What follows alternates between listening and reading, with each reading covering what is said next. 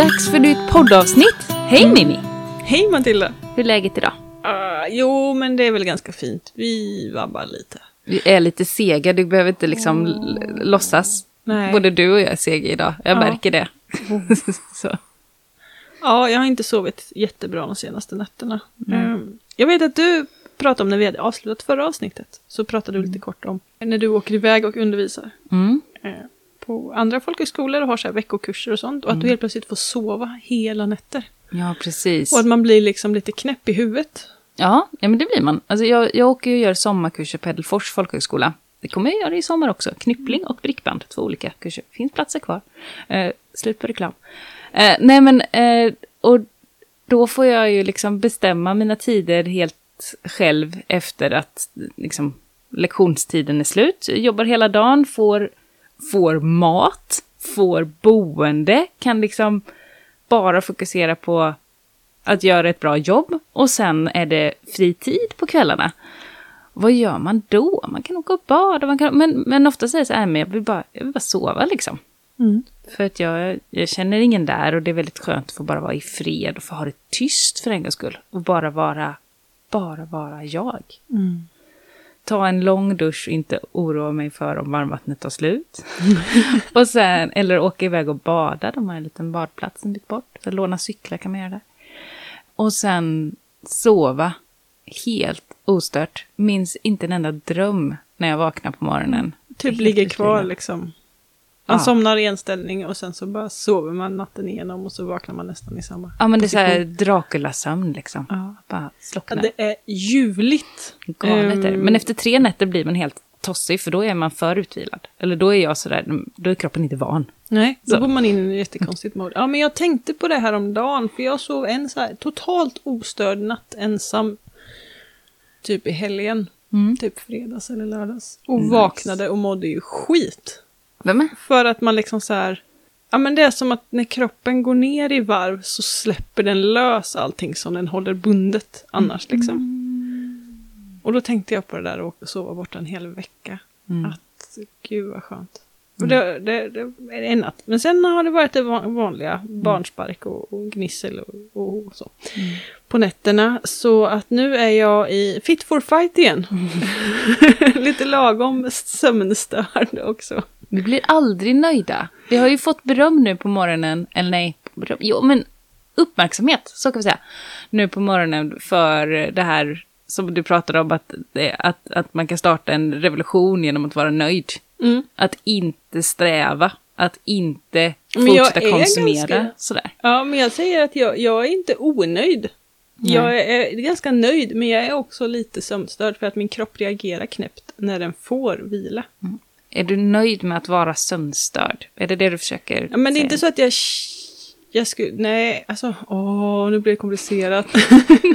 men det är inte så att jag känner att det är ett dagligt problem jag måste ändra på. Att det måste... Sådär. Utan jag bara säger nu är läget så här. Mm. Jag, är, det, är det fine liksom. Mm. Visst längtar jag efter den tid som förhoppningsvis kommer ganska snart. Då jag ändå får sova och återhämta mig ordentligt. Men nu är jag ändå fortfarande småbarnsförälder. Och Mm. då är det liksom... Jag är ändå nöjd med tillvaron. Mm.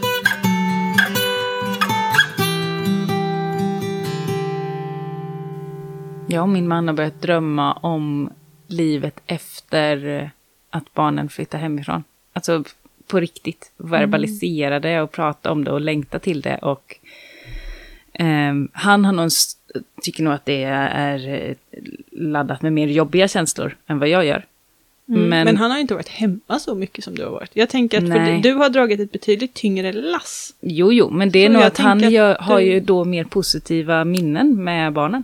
Ja, precis. Alltså att det är ju roligt och skoj när han är hemma och det är enklare och det är lättare. Medan jag Ja. har det, alltså sådär. ja, ja, men precis. Så det är inte så konstigt att han längtar. Han- Eller, eller att han liksom kommer sakna den här tiden som ändå Mm. är betydligt mer lustfylld. med- Medan du ser en tid av betydligt mer arbete och kamp. Mm. Men, ja, precis. Eh, Sen, han, han drar ett större last på andra ställen. Jag vill liksom inte så. jag vill inte man snacka skit om honom han, i podden. han så. kanske längtar mer efter pension än vad du gör. Kanske, kanske. Jag vet, alltså, den är fortfarande för långt bort för att vi ska liksom kunna tänka på det rent konkret. Men det där, ja, men när barnen flyttar hemifrån, vad, vad kommer vi göra då med vår tid? Hur kommer vår vardag se ut då? Som om vi pratar om det här med vad händer om tio år, det, det är ju ungefär då som, som det sker för oss. Och det, det är en tid att, att längta till. Vi har suttit tillsammans ute i det landet som vi kallar för Skogsåken de senaste kvällarna och rensat kvickrot tillsammans. Och det är ju jättesällan under de här tidigare tio åren som vi kunnat göra saker så tillsammans. Eh, alltså, vi har ju gemensamma projekt, men då blir det att en gör, jobbar med projektet en stund och sen så löser man av varandra liksom. Mm så man jobbar aldrig sida vid sida riktigt. I alla fall inte på ett sånt ostört sätt under en så pass lång tid så att man kan liksom landa i det. Eh, och tänka, ja, men är det, är det så här livet kommer vara sen? Mm. Vi kan liksom faktiskt inte bara bli arga för att vi inte har tid för att göra saker tillsammans, utan att vi faktiskt gör saker tillsammans. Det är mm. väldigt fint. Det är en tid att längta till. Och jag tänker att den tiden kommer tidigare än om tio år. Jo, jo, ja, men den har den, det, och det sker ju inte sådär, det är inte pang från ena till det andra, men jag känner mm. att den omställningen börjar. Mm. Eh, När barnen kan gå upp själva, fixa frukost själva, man mm. träffas för att käka lunch och kvällsmat ihop, men annars så liksom lever man tillsammans, men lite parallellt liksom. Och styr. Mm. Min yngsta ja. dotter gjorde mat till oss. Alltså mm. dukade, tog ut, färdig i och för sig, så här, potatisgratäng ur plastförpackning. Eh, här, tog ut själv från ugnen och ställde fram och sådär. Mm. Och hon är sju. Det är ju, det är lite, jag blev stolt. Så. Mm. Så att det, mm. Snart. Mer sånt. Hon fick så himla mycket beröm. Så att nu, nu får, nu, nu tycker jag att hon ska göra middag varje kväll. Det hade ju varit smidigt. Men jag kanske inte vill äta eh, sån eh, potatisgratäng ur plastförpackning varje kväll heller, så jag får väl välja mina strider. Ja, men jag tänker att Nej, just det, ni käkar inte gröt. Annars så är det ju ganska ofta att eh, vi äter Jo, men barnen gröt. äter gröt. Ja. Barnen och jo, det är bara jag som inte äter gröt. Mikrogröt är oerhört smidigt. Havregrynsgröt i mikron. Det klarar typ vår femåring att göra. Han På behöver hjälp att bära eh, ut. I sån här korv, typ. Nej, Nej du, du gör egen. Havregryn. Ja, havre, ja, just det. Ja, nu du vet, jag är ju ingen grötexpert. Nej, jag, har inget, jag har inte koll riktigt. Men istället för att ha en deciliter havregryn och två deciliter vatten i en kastrull så kan man lägga det i en djup tallrik och slänga in det i mikron i tre minuter. Mm -hmm. Men det, då, alltså, vi ser ju, det är hela kostcirkeln här. Det är bara kladdkaka som fattas, annars är de komplett. Mm. Ja. för dig kanske. Jag ja, behöver lite annat. Kladdkaka är en fjärdedel av kostcirkeln, oh, det har nej, vi fastställt. Nej, nej, nej. Okej. Okay. Din, vi, lever, vi lever i olika världar. Mm, mm, så är det. Eh, ja, men hur är, hur är läget med... Vad har hänt i din odling sen sist? För nu brakar det ju loss. Verkligen. Utan dess like. Och jag är lite... Jag går, och, jag går och är lite förbannad på vädret nu. Mm -hmm. Du brukar vara förbannad under eh. vinterhalvåret och jag är förbannad nu. För jag tycker att 20 plusgrader eh, klarblå himmel och blåst en skitdålig kombination just nu. Ja, men det är det. Och du har mer vindutsatt läge än vad jag har. Mm. Det uh. torkar ut jättemycket här mm. innan. Och liksom täckmaterial och sånt, gräset har inte börjat spira. Mm. Eh, man får liksom jaga täckmaterial. Mm utan dess like och det bara torkar och man, ingenting gror för att det blir för torrt i jordytan. Man får vattna och vattna och vattna och vattna, vattna, vattna och det hjälps inte liksom. Nej. Så jag går omkring och är arg på vädret. Men jag har fortfarande inte, eh, det har stått på min lista nu senaste dagarna att så ute, så ute, så ute. Ehm, direkt så saker ute. Men jag har inte gjort det än för att jag måste rensa klart den här kvickroten först. För annars måste jag rensa kvickrot i nysått land och det blir en tråkig kombination av jobb. Jättedålig kombination. jättedålig. Så att jag måste liksom göra det i rätt ordning nu.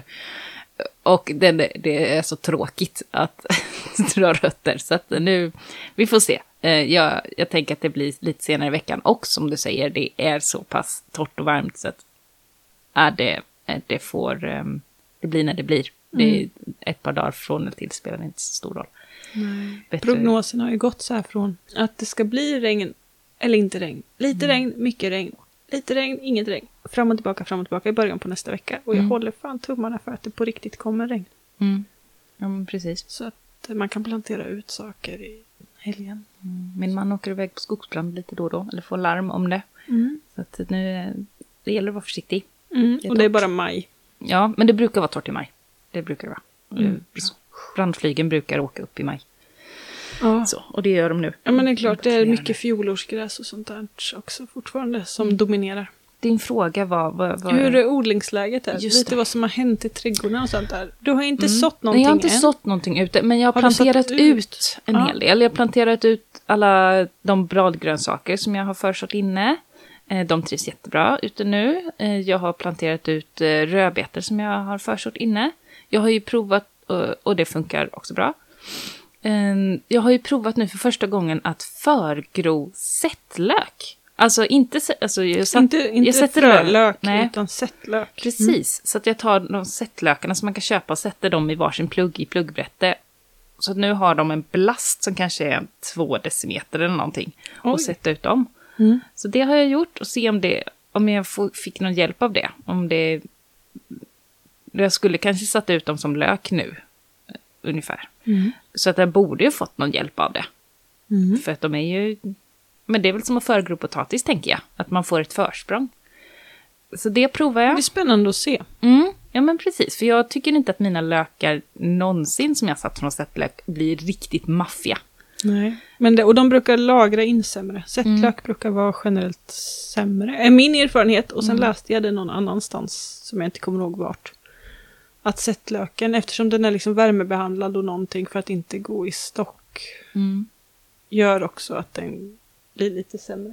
Vad har jag gjort mer? Ja, men, fl- eh, Du jag, har sått gurka. jag har sått gurka, jag har sått mycket inne. Och bönor och solrosor och eh, min klass, eller vår klass, sådde ganska mycket hemma hos mig. Just det. Jag gav dem massa frön och pluggbrätten och sa så, så får vi se vad det blir. Och de bara, va? Har vi ingen plan? Bara, Nej. Nej. Du visar den delen av odlingen liksom. Ja, att man bara kan, man kan bara köra lite. Ja, Och man kan sätta mycket av någonting och så får man förhoppningsvis mycket tillbaks. precis. Men det behöver inte vara så himla så här. Strikt. Det behöver inte Nej. vara Excel-ark och Nej. uppstyrda planer och sånt. Det kan Nej. vara det också, men det är liksom sådär. Det, det Men det måste vilket inte. Som. Nej, det måste inte. Och det, eh, så det är kul, det börjar titta upp nu. Eh, Mm. Så jag är där uppe och vattnar. Så. så det sker mycket förodling i superstora växthuset. Och sen så har jag fått ut en del, fått ut kronärtskockan också som jag nästan har gett upp hoppet om i år för att bladlössen har varit på eh, jättemycket. Eh, så, så de plantor som är kvar är väldigt svaga och ledsna. De är under fiberduk nu för att solen brukar gå ganska hårt på kronärtskocka. Så de är ju bara hälften av den storleken som jag egentligen vill ha och försvagade. Så att jag hoppas lite på ett mirakel där. Vi håller tummarna. Mm, satt ut lite, Tråkigt. ja, satt ut lite bondbönor också. Men de var egentligen förgängliga. Eh, jag hade väntat för länge, men det var så kallt. Och så satte jag ut dem så här dagarna precis innan frosten.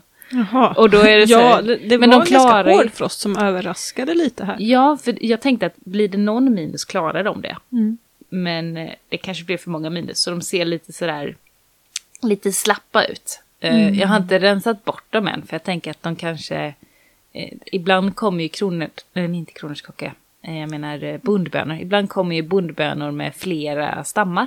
Mm. Och då kanske de, de största och gängligaste, som är längst från jorden, de kanske inte klarade det här. Men de där små, korta, de kanske ändå kan ta sig igen. Vet du vad jag satte ut precis innan den frosten och Nej. glömde dubbelkolla väderprognosen? Berätta. Portlack. Under duk, men den ser inte jättepigg ut. Nej, den är ganska känslig. Den är känslig, den är ganska frostbränd kan vi säga. Kan vi säga. Eh, men det finns några enstaka små gröna blad liksom Mm. på nästan alla av dem jag satte ut. det, blir, Eh, det blir en så- glesrabatt, någon så här 60-tals gubbes frisyrsrabatt. Det är Ja. lite, lite glest mellan stråna. Ja, gud, vi får se. Mm. Eh, jag tror att jag, jag, jag har inte rensat bort dem heller än, utan vi får se hur de tar sig nu. Mm. Eh, men tack och lov så satte jag ju på fler ställen. Eh, det var vinterportlack var det. Och jag Okej. satte det in i lite växthus och sånt där. För att jag bredsådde ganska mycket. Mm. Eh, och de i växthusen och sånt mår ju bättre. Mm. För där kommer inte frosten åt. Eh, men så. Ja, det var en jävla miss faktiskt. Mm. Ja, ja, men det är lurigt nu precis. Ska man sätta ut, ska man inte sätta ut? Inne blir allting för, för vuxet. Ja, det blir jättevarmt nu när solen Ja. värmer upp husen. Liksom. Det är Ja. skitsvårt. Och orka konka saker ut och in, ut och in, ut. Den, det, det har inte jag. Utan Nej. sätta ut och sen så täcka med någonting om man har. Jag har ju så här frigolitlådor. Som man får fisk i och sånt till restauranger. Ja, Så som man levererar kylvaror. ja. Sådana frigolitlådor, de är ett par centimeter tjocka. Och i dem så ställde jag ju ut mina tomater då för tre veckor sedan eller något kanske. Alltså du planterade inte i dem utan Nej, du bara utan ställde kru- dem i lådorna. När jag skolar om tomaterna första gången Ja. så ställer jag ner dem i, eh, i de här frigolitlådorna. Och sen så har jag kört med fiberduk och bubbelplast över på nätterna. Och Aha. ingenting på dagarna. Så de har ju stått i växthuset. Ja. I frigolitlådor och och är jättefina. Kul. Men de är ju inte sådär supertidiga då, för jag Nej. odlar en sort. En svensk sort. Kan det vara glaciär kanske? Eller är det den som heter något annat på G? Glaciär lät fint. Ja, Den men, ja inte jag odlar den, men det är en annan sort också som jag odlar som jag inte kommer ihåg namnet på. Och en av dem ska vara lite extra snabb. Mm. Jag kommer inte ihåg vilken. Eh, men den är inte speciellt snabb jämfört med de andra. Nej, och jag okej. tror att det beror på att den står lite kallt och sådär. Mm. Liksom.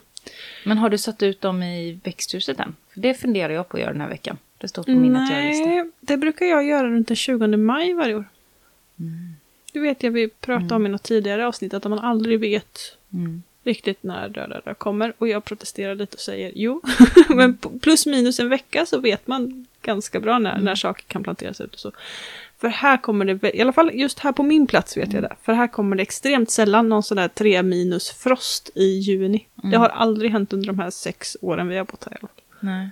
Men jag tror jag kommer sätta ut mina tomatplantor nu i den här veckan. Vi får se. Nu är jag ensam med barnen den här veckan. Så att det är mycket, det står mycket mer på listan än vad som kommer bli gjort. så kan vi säga. Samma här. Eh, så. så jag passar på när de är iväg i skolan och så. Men um, det vore Har du satt kul. potatis?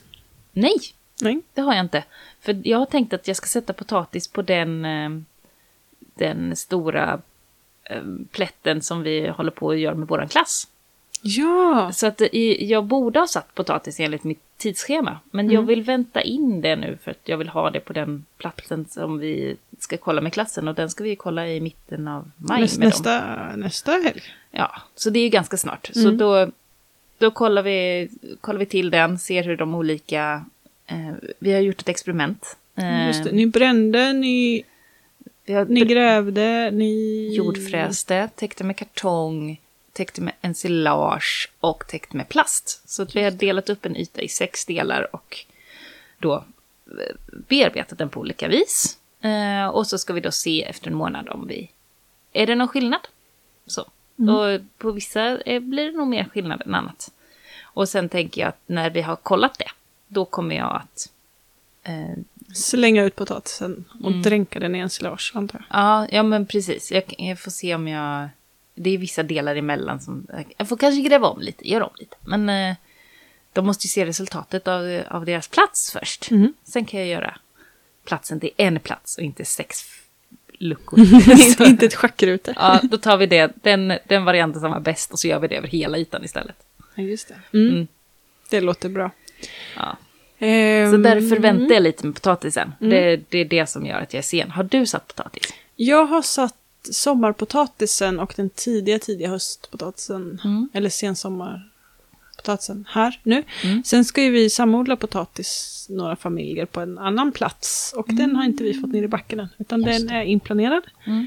Ehm, så är är den det. förgrodd eller inte? Den är inte förgrodd. Vad tänker du om att förgro potatis? Eh, alltså det ger väl snabbare skörd och då är det ju bra om man orkar. Ja. har tid. Men jag förgror inte min snabba potatis heller. För att Nej. den... Eh, vi har haft så svårt att ha ett bra utrymme för förgro som liksom Mm. inte är för varmt och sådär. Eh, Så att de drar iväg och så går de där groddarna bara av och det blir bara skit. ja, jag tycker det är svårare att plantera när de är förgrodda. Ja men det är mycket svårare. Mycket jobb och till inte så mycket fördel. Nej men precis. Och sen tar det, alltså när man inte, när man odlar mycket potatis så Mm. tar det mycket plats att förgro. Eh, vi petar ner, jag tror det vart 80 potatisar i våran trädgård liksom. Och det blir ändå ett par, en viss yta om allting där ska förgros. Och det vi samodlar är ju liksom eh, 800 eller 1000 potatisar eller något kanske det landar på. Och det går ju liksom inte att förgroda. Dessutom sätter vi den potatisen med en sättare bakom Just en det. traktor. Och då går det inte med groddar Nej. alls. Ehm, men ja, jag vet inte. Det är så för och nackdelar med allt, men i år orkar jag bara inte. Nej. Ehm, men jag insåg dock att vi har nog våran farstukvist vi har byggt till är nog ultimat att förgro potatis i. Mm. För den är ljus, men den blir inte jättevarm. Och den Det blir inte frost heller liksom. Nej. Ehm, och den är också väldigt bra att lagra i. Ja, just det, för vi skulle prata lagring idag. Mm. Egentligen. Lång Precis. inledning för att komma till lagring. Ja. Det är nog för att jag inte är så bra på lagring. så du bara und- skjuter det framför dig. Ja, Ehm, ja, men jag får väl kalla mig lagringsqueen då. ja men faktiskt av oss två. Jag, jag böjer mig direkt. Det är, jag är, är inte alls lika bra på det. Jag har inte lika mycket intresse av det heller tror jag. Så att det... Nej. ehm, Nej, men det var ett önskemål Mm. ehm, från en lyssnare att vi skulle prata om lagring. Och när jag skrev det till dig så sa du, mm, bra, det behöver jag bli bättre på. Mm. Framförallt att äta. Ja men det är ju det. Alltså jag tycker inte det är så gott med surkål och fermenterade grejer till exempel. Det är Nej. inte min... Alltså, Det är inte din kopp av te. Liksom. nej, nej, jag är inte så bra på det. Och allt som är torkat, eh, jag tycker det är kul att torka saker. Mm. Det är roligt. Men sen så ligger det ju mesta bara i burkar. Torkat svamp, det använder jag. Mm. Eh, för det går ganska snabbt. att Kryddor tänker du? så. Ja, och kry- ja, ja.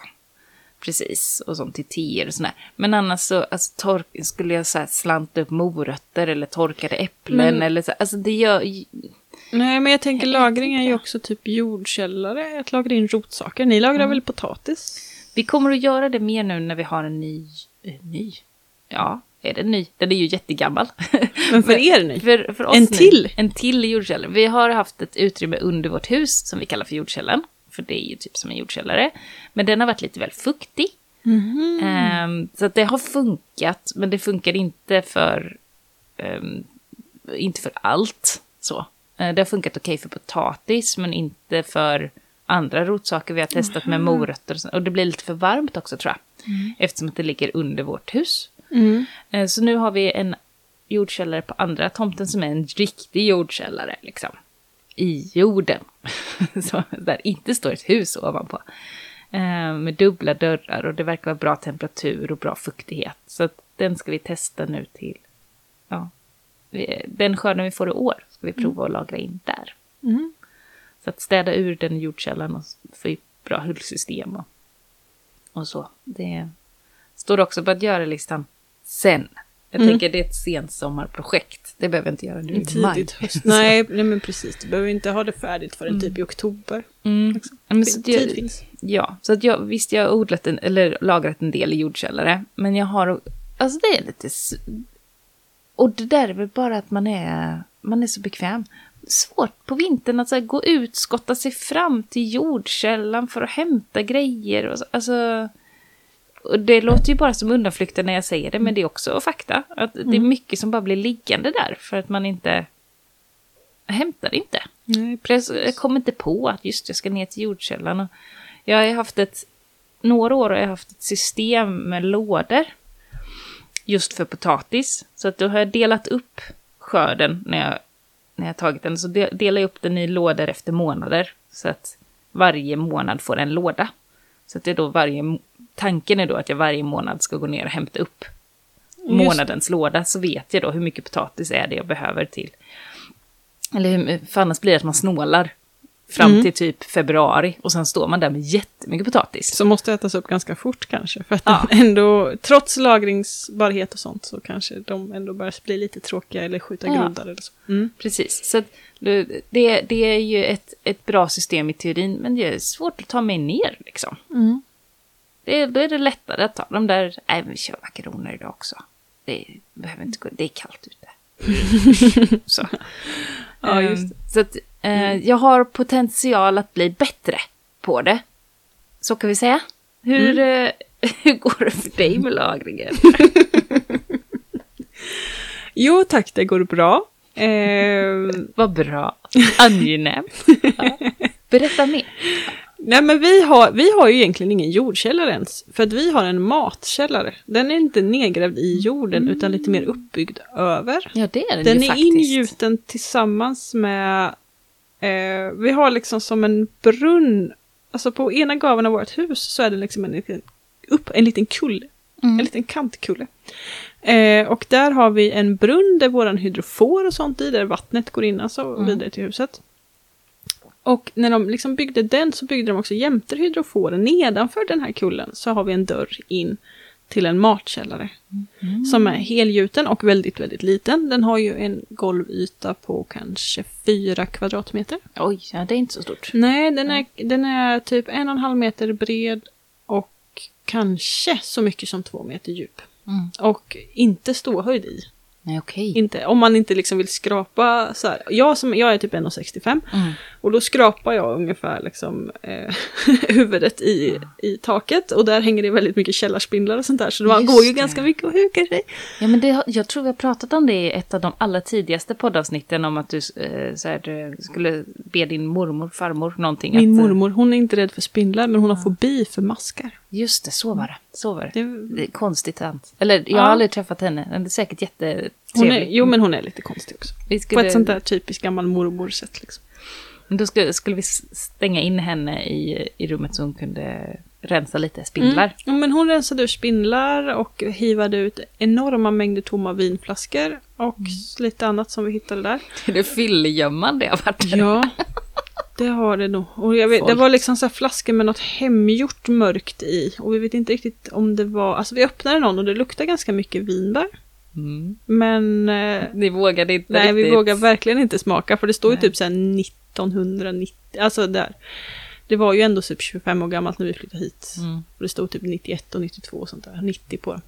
Det är nog bra Ehm, i komposten, tänker jag. Ja, precis. Det hamnade inte i våra magar i alla fall. Mm. Men där, den håller hyfsad temperatur ändå. Lite Mm. varm emellanåt, men det funkar. Mm. Eh, och där lagrar vi in potatis i nätsäckar. Och eh, Har ni dem bara direkt på hyllan? Det kommer inte gnagare och sånt? nej, Nej. En, enstaka. Vi har ju också minst två stycken musfällor Ja, det är bra. där inne. Som Mm. vi försöker att ha med något lite godare. Mm.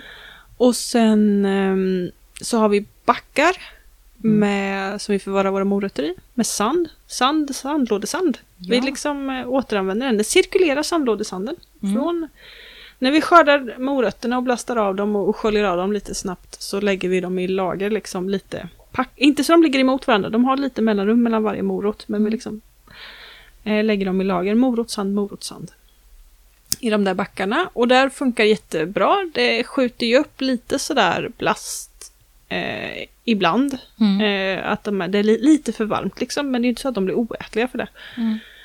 Sen skördar vi, har vi också... Blir de mjuka då också? Nej. Nej.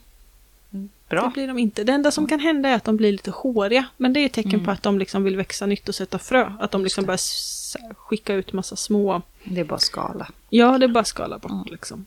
Eh, och sen är det ju vintermorötterna är ju oftast godare tillagade och så. De har ju inte den här supersötman som sommarmorötter har. Utan de är lite, lite bättre i mat än rårivna oftast. Just Men det det. funkar liksom. Mm. Um, vad har vi mer? Vi förvarar ju um, kålrot och rotceller är bara avsköljda, luftigt liggande huller om buller i hinkar till exempel, utan problem där. Mm. Eh, vi har också haft dem i sand och det har också funkat bra, men det är ganska tungt att förvara i sand. Liksom. Mm. Mm. Eh, vitkål. Som då, när man ska skörda vitkål, dels så måste man se till att man odlar en sort som är lagringsduglig. Det måste man Mm. ju, om man ska lagra in mat. Grönsaker så måste man ju ha koll på att de sorterna man sår är sorter med bra lagringsduglighet. Men står det på liksom förpackningar och sånt? Ja, Bra. Bra, tydligt, enkelt svar. Bra. ja står det inte att de är bra för att lagra så är, är de oftast liksom inte... Just det. Eh, eller Man också skriver funkar de... inte inte lagringsbar. Nej, man utan inte. man skriver att de är lagringsbara. Mm. Eller också så skriver man att de är för färsk konsumtion och då går de inte att lagra. Och Just står det ingenting så kan de funka att lagra en tid. Men de Mm. har liksom inte eh, flera månaders lagringsduglighet. Man kan ju googla lite också. Det Det, kan det, man kanske står att de är lag...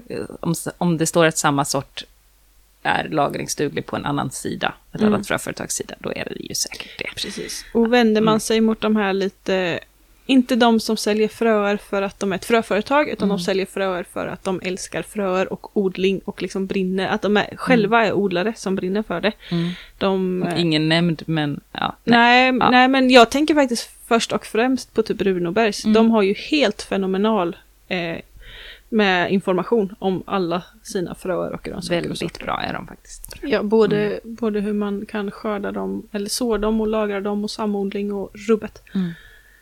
Eh, och frös och fröodling och sånt också. Bra tabeller. De är jätte, jättebra. Mm. Eh, så det, där brukar jag alltid dubbelkolla om jag är osäker faktiskt. Då Mm. vänder jag mig dit. Eh, men vitkål var det. Mm. Då om man ska lagra in vitkål så ska man klippa av, ehm, heter, nej heter inte skälken? Stock. Stocken, tack. Eh, så att den är ganska lång. Och Mhm. blada av en del, kanske lämna de yttersta foderbladen. Mm. Och sen så hänger man dem upp och ner. Luftigt upp och ner. Det är smart. Så som man torkar rosor liksom, eller Ja, så här, torkar blommor. Vi brukar liksom köra lite ståltråd runt stocken. För att den är Mm. lite skrovlig så det brukar fasta, fastna, ståltråden. Mm. Och sen så har vi liksom pinnar som ligger mellan hyllorna i våran Mm. matkällare då, så att eh, de kan hänga där luftigt. Eh, Så att det behöver inte vara jättemycket utrymme mellan dem, men de ska liksom inte gå och slå emot varandra eller Mm. sådär. För då kan de börja ruttna, bli dåliga. Är det mer saker du lagrar i jordkällaren liksom? Som jordkällare, Rödbetor. Hur, hur gör du med rödbetor? Är det också sand? Eller? Ja, det mesta är sand Mm. i mån av ork. Mm. Och vi har också haft dem i, ja, men, i sand i svarta fodertunnor. Alltså Ja, så här säkra, Mm. livsmedelssäkra eller eh, gnagarsäkra fodertunnor och sånt stående Mm. där inne på lite och så. Eller bara backar Mm. med sand. För att den sanden behåller ju fukten som gör att de inte torkar ut och skrumpnar. För det är ofta så att det blir, i alla fall för oss är det att det är för torrt. Ja. Ja, men det, jag har också upplevt det. De första åren så hade jag, la jag bara in morötter på hyllan, liksom. Precis Mm. som man la in potatis.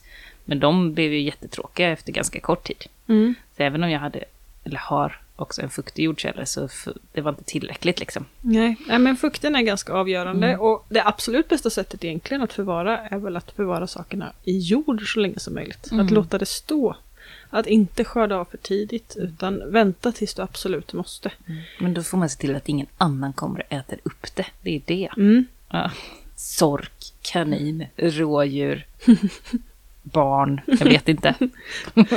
Sniglar milda vintrar kanske. Ja, just det. Eh, så att jag tänker att man ska ändå ska försöka efterhärma den där att de står i jorden för det är där de trivs som bäst. Liksom. Mm. Och sen är det väl att en jämn temperatur är viktigare än perfekt temperatur. Mm, just det. Så kan du inte ha så här 3 plusgrader, 2 plusgrader Mm. hela vintern så är det bättre att du kanske håller 5 plusgrader i utrymmet Mm. och att det är ungefär jämnt så än att det går från 2 plus till 10 plus till 2 Mm. plus till 11 plus till 1 plus till Mm. upp och ner upp och ner.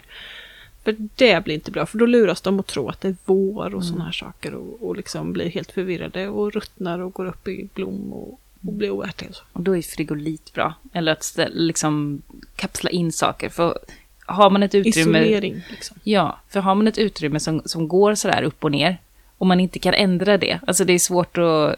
Så här, får man slänga massa extra jord på jordkällan? Eller, alltså det blir ett så jättestort Ja, projekt. eller om man har en balkong till exempel och Ja. kan förvara i frigolitlådor. Precis, ta, Mm. ta det mindre liksom.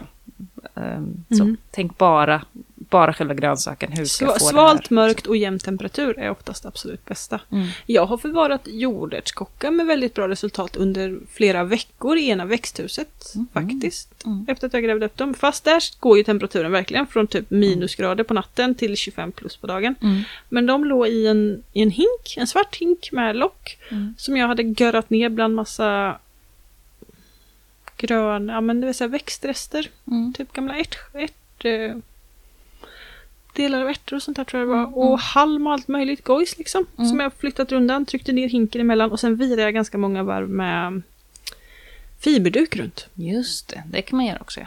För att isolera liksom. Och att det är vitt Mm. gör ju att, att den inte liksom suger åt sig värmen. Just det, Så. det är avdunstade studsar. Ja. Mm. Och det funkar jättebra. I många, många eh, veckor, eller i alla fall fyra, fem veckor utan problem så här på våren.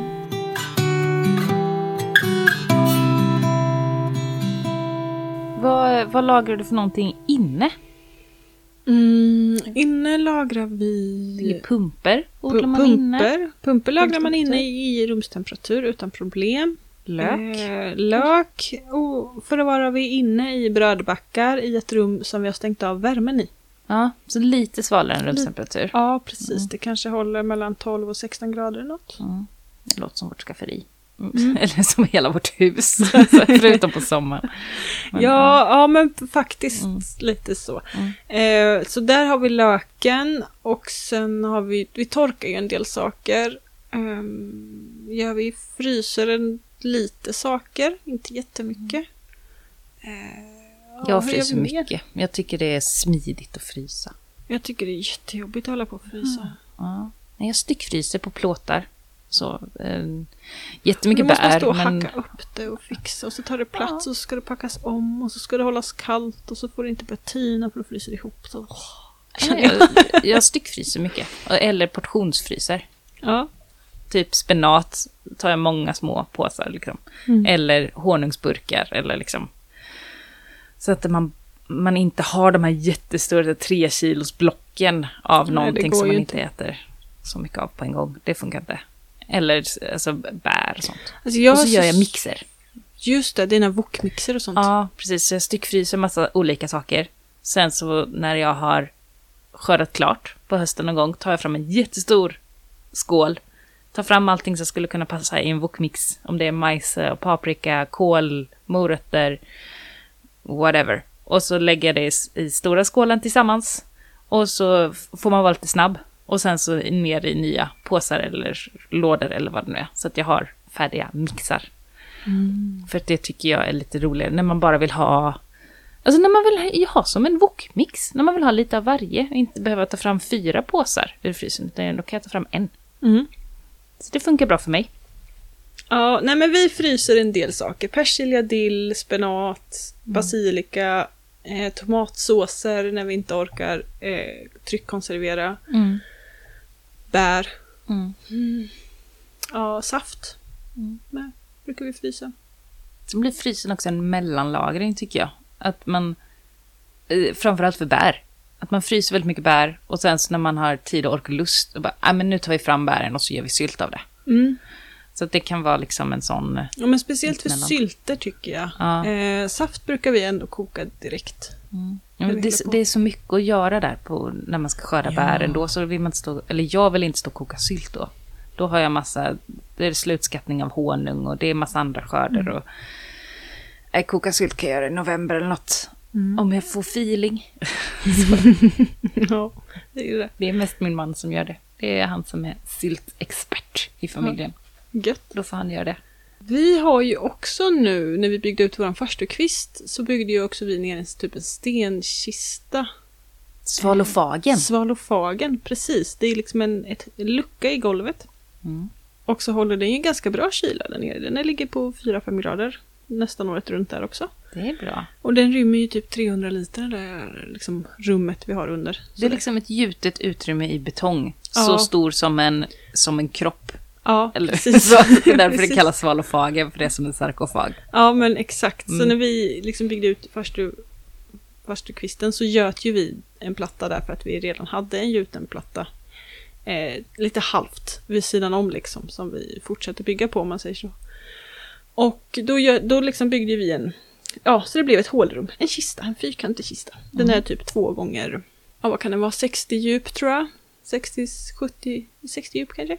Och sen är den ju typ två meter lång och en halv meter bred eller något sånt där. Mm, mm, Eh, så det går i ganska mycket. Jag tror det var ungefär 300 liter. mm.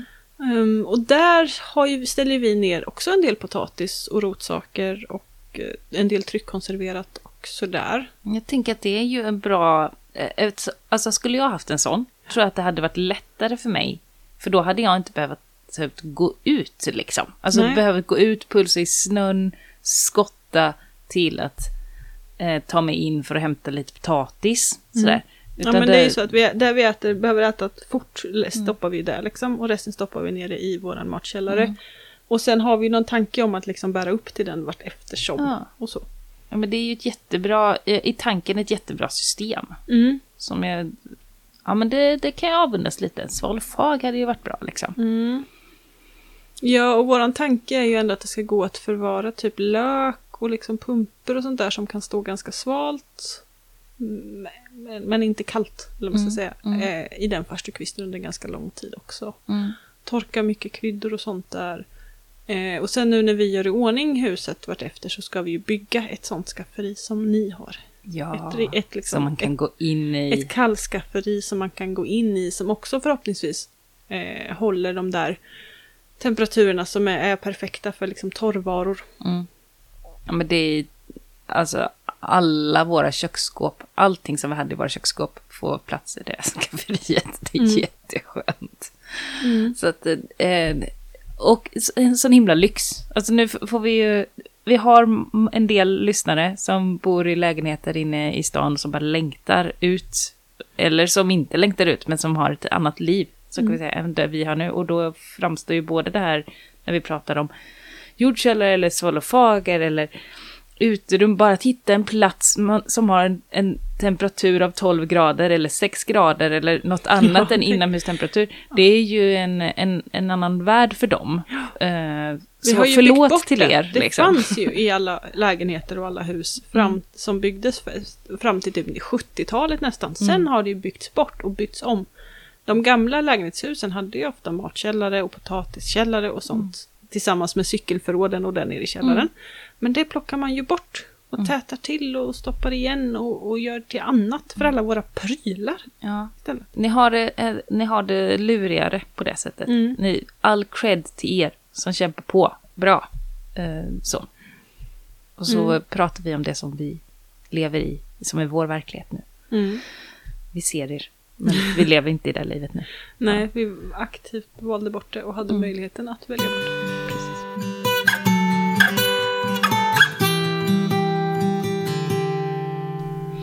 Mm. Har vi några fler ställen? Nu har vi pratat jordkällare, vi har pratat eh, svalofag, vi har pratat frys, vi har pratat förvara inne, eh, vi har nämnt torkning, vi har nämnt fermentering, vi har nämnt koka sylt, vi har nämnt tryckkonservering. Det är massa olika varianter man Ja. har. Det bästa tycker jag är att äta saker direkt. Bara Ja. äta upp skiten. Ja, det har, det, har, det har vi inte pratat om än. Det här med att så i omgångar och förlänga skördesäsongen. Att välja, återigen, välja sorter eh, som kanske är köldtåliga och sådär. Som gör att man kan äta långt in på hösten och tidig vår. Och sådär, att man inte måste liksom ens gå till, till sina lagerutrymmen för att äta. Utan att kunna plocka nytt. Mm.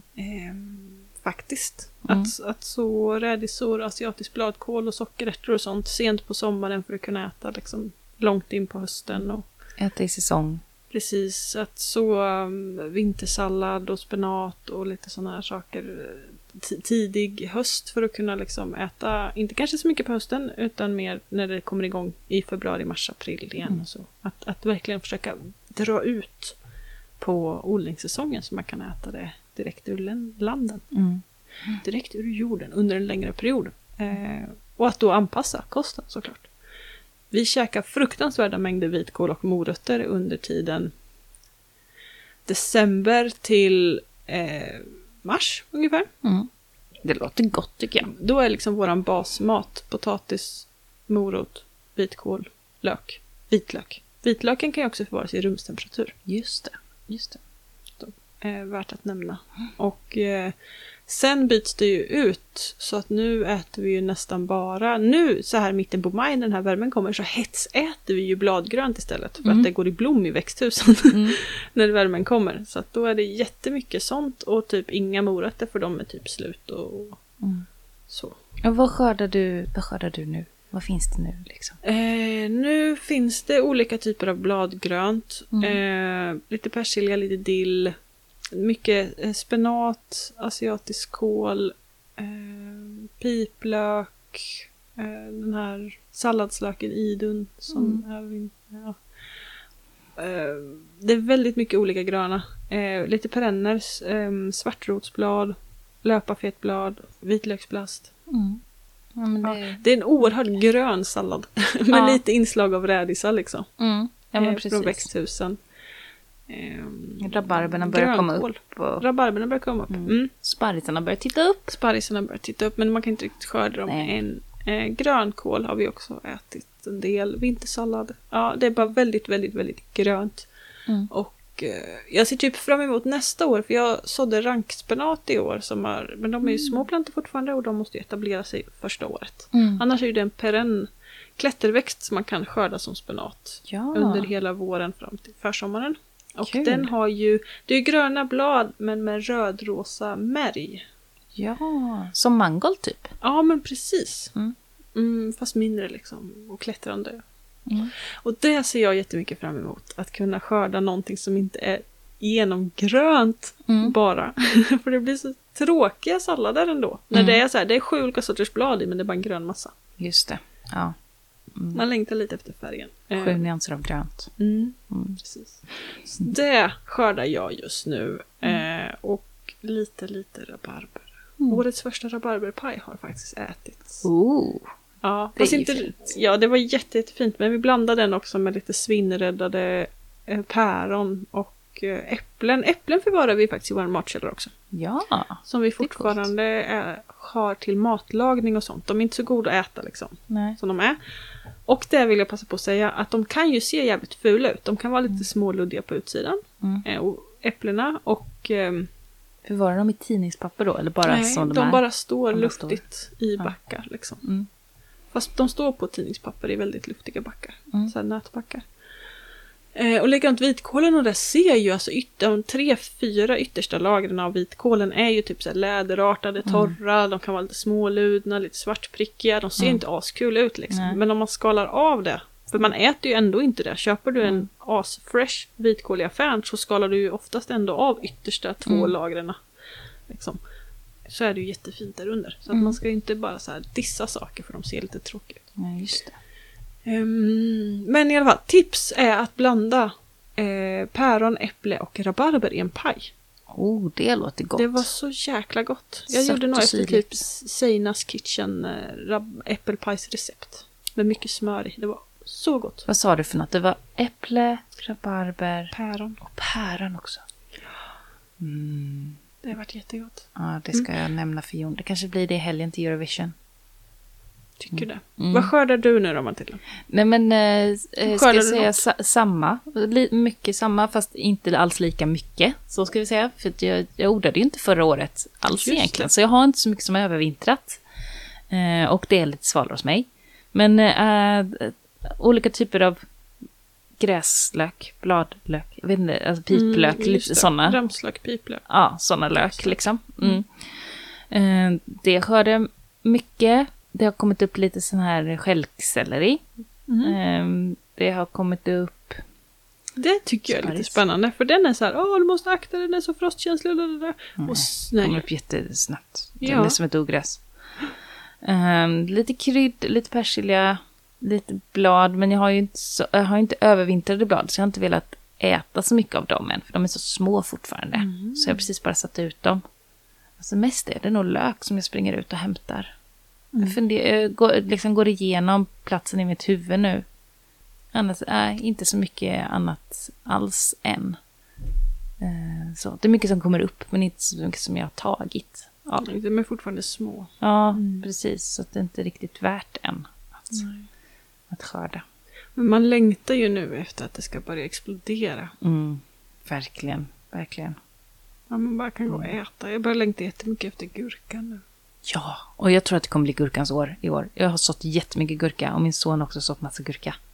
Mm. Så att det Jag blir jättekul. på... Vi, vi, vi ska odla ovanligt mycket meloner. Oh, roligt! För det har jag fått önskemål om. Eller det är bara två sorter och vi kanske bara ska odla tre plantor av varje. Men det är ändå för oss ovanligt mycket melon. Ja, Eh, men jag är lite nojig över torkan och sånt där. ja, vi har börjat Ehm. fundera mycket om eh, hur vi ska göra nu med torkan och beredskap och så. Och jag tänker att vi kan spara det Mm. till ett kommande avsnitt. Precis. För annars kommer vi sitta här i tre timmar till. Mm, det går inte. Nej. Poddar med vård av barn. Vabbar. Eller vad blir det? vi, har, vi har ändå en liten, en liten snorig eh, sidekick som inte hörs men som ändå finns här i periferin. Mm. Vi, vi pobbar. Pobbar. det då. Vad fult det låter. Låt, jag vet inte. Eh, ja men det, det sista, vi kanske bara jättekort ska mm. prata om supersitter. Det här är att förvara eh, gödsel och sånt har jag tänkt lite på. Förvara? Näringsvatten och sånt. Att, det, ja. liksom, att inte bara lagra det man ska äta, själv ska äta, utan också kunna lagra det jorden ska äta. Mm. För att man kan ju få ut en del. Alltså när vi städar ut vårt flyttbara hönshus på hösten mm. så får vi ju ganska mycket gödsel därifrån. Mm. Liksom. Och det kan vi inte lägga på landen i liksom november här. Det blir inte jättebra på våran jordar, det regnar bort. Mm, det är mm. bättre att förvara det på något annat ställe. Mm. Eh, och likadant eh, löv och sånt där. Och... Men jag tänker vi får prata mer om det en annan gång också för att tiden rinner iväg. Men det är ändå intressant att fundera lite kring hur man kan förvara också sånt som jorden vill äta. Det är nu egentligen och någon månad framåt som de vill ha mest kväve. Det är mm. nu som växterna bara skriker efter kväve. Sen på sensommaren då är det mer fosfor och, mm. och sen kalium och sånt. Mm. Så och då är det ju bra om man har ett lager. Ja, och sen i slutet av sommaren då har vi ett överflöd av täckmaterial. Och, mm. så, och, och, sånt. då behöver vi inte det lika då mycket. Men det. nu behöver vi Ja, så det, det är ju absolut relevant. Och mm. Hade man ett lager där man bara kunde gå och hämta. Oh, vad smidigt. Ja, det skulle vara så jävla smidigt. Gud, bra. Men det får också bli ett senare eh, avsnitt. To be continued. Så. Det blir fint. Mm. Ha det så himla bra där ute, så yes. hörs vi framöver. Det gör vi. Ha det bra. Hej då!